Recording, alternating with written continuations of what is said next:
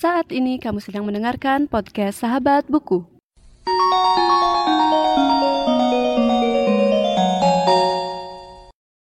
Halo semuanya dan selamat datang kembali di podcast Sahabat Buku. Bagi kamu yang baru pertama kali mendengarkan podcast ini, podcast Sahabat Buku adalah sebuah podcast yang membahas review buku dan pengalamanku saat membaca buku.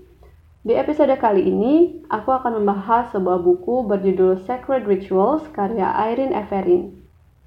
Buku ini merupakan kelanjutan dari buku Nisha yang sebelumnya juga sudah sempat aku bahas dan Sacred Rituals merupakan buku kedua dari Nisha, Nisha Trilogy. Jadi sebelum dengerin episode kali ini, ada baiknya untuk teman-teman mendengarkan episode Nisha. Oke, kita lanjut aja ke bukunya.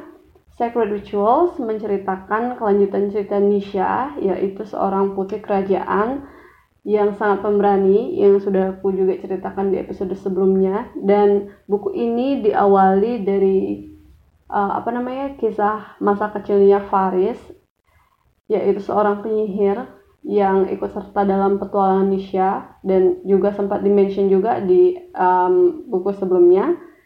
Lalu dalam prolog di buku ini disebutkan masa kecil Faris bersama orang tuanya. Diceritakan bahwa ibu Faris menderita sakit dan ayah Faris bisa melakukan sebuah ritual yang nantinya bakal diwariskan ke Faris dan ritual ini nantinya akan berhubungan sama masalah yang ada di kerajaan. Lalu selanjutnya eh, ceritanya dimulai dengan Petualangan Nisha yang sudah bergabung dengan bibinya yaitu General Char serta sahabat-sahabatnya yaitu Faris dan Sad sesuai dengan petualangan sebelumnya. Lalu nanti diceritakan bahwa Sad akan melakukan perjalanan yang berbeda dengan General Char, Nisha dan juga Faris dan mereka akan berpisah. Lalu um, Sad ini akan bertemu dengan orang lain yaitu orang-orang baru yang dia kenal selama perjalanan dan orang-orang ini juga akan membantu dia untuk membuka sebuah rahasia gitu yang belum dia ketahui.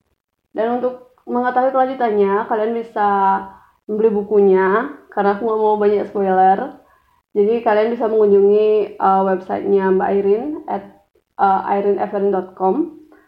Dan sebelum lanjut ke pendapat pribadi aku mengenai buku ini, kamu bisa mengunjungi akun media sosial Podcast Sahabat Buku melalui Instagram at Podcast Sahabat Buku dan Twitter at Sahabat Buku underscore. Dan selain review buku, ada tiga segmen lain juga di podcast ini, yaitu pembacaan karya sastra, bincang buku, dan sharing opini mengenai membaca dan literasi.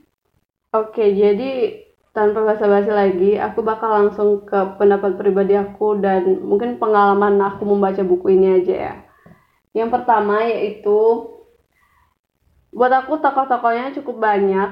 Jadi pas baca itu imajinasiku emang bener dibawa ke mana-mana gitu dah.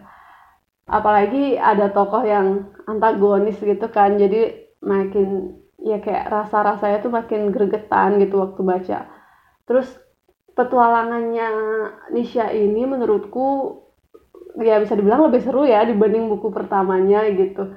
Karena kan buku pertama tuh lebih ke pengenalan gitu dan konfliknya pasti udah mulai muncul tuh pas udah kayak udah di di akhir buku pertama gitu terus mulai lagi di buku kedua tuh makin intens.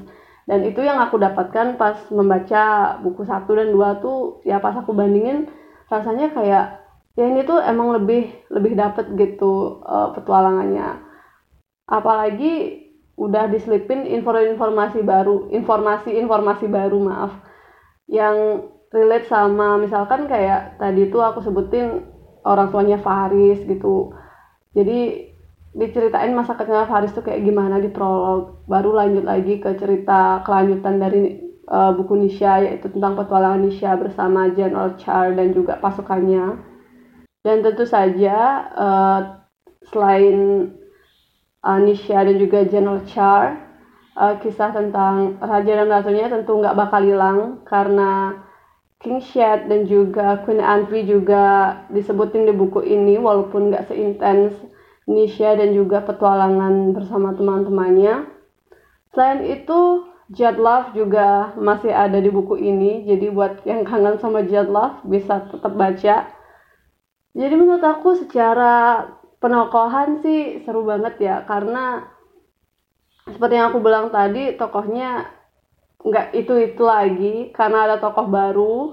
Jadi imajinasiku diajak ke mana-mana dan yang namanya buku fantasi itu emang kita kan kayak seru banget gitu loh berimajinasi. Jadi dapat banget sih.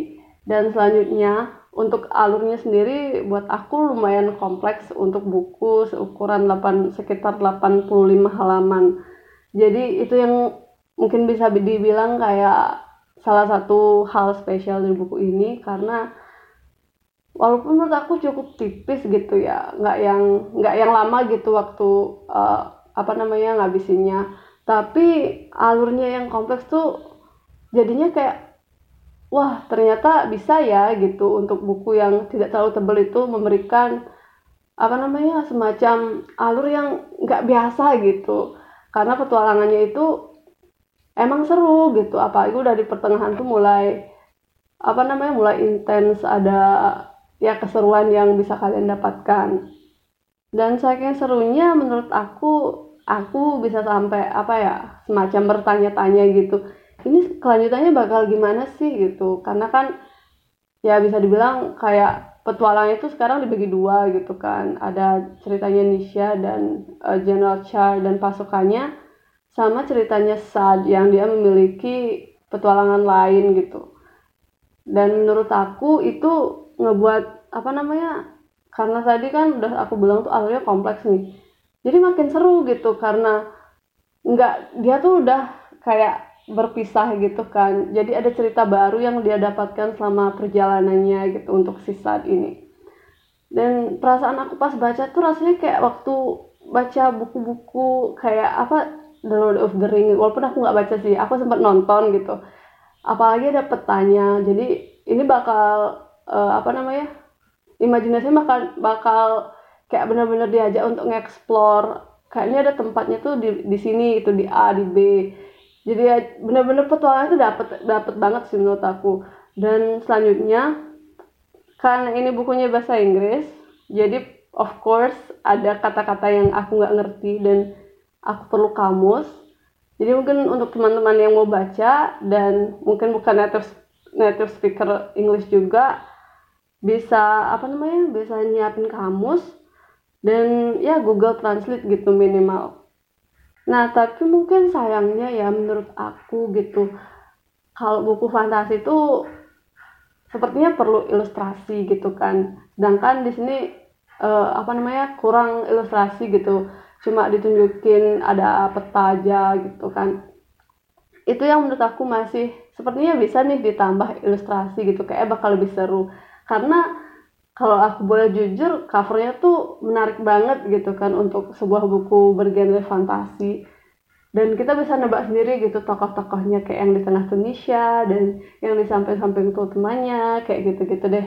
Dan selanjutnya aku mungkin ini yang terakhir aku rasa apa namanya semacam penempatan peta itu emang membantu banget untuk mengetahui ceritanya. Karena seperti yang aku bilang tadi, cerita yang di buku ini lebih kompleks daripada di buku Nisha. Jadi perlu bantuan peta untuk mengetahui tempat-tempat yang disebutkan dalam buku ini karena beberapa bagian tuh emang terkhusus menceritakan sebuah peristiwa yang di tempat A, di tempat B kayak gitu. Jadi sekian dulu untuk pembahasan buku Sacred Rituals karya Irene F.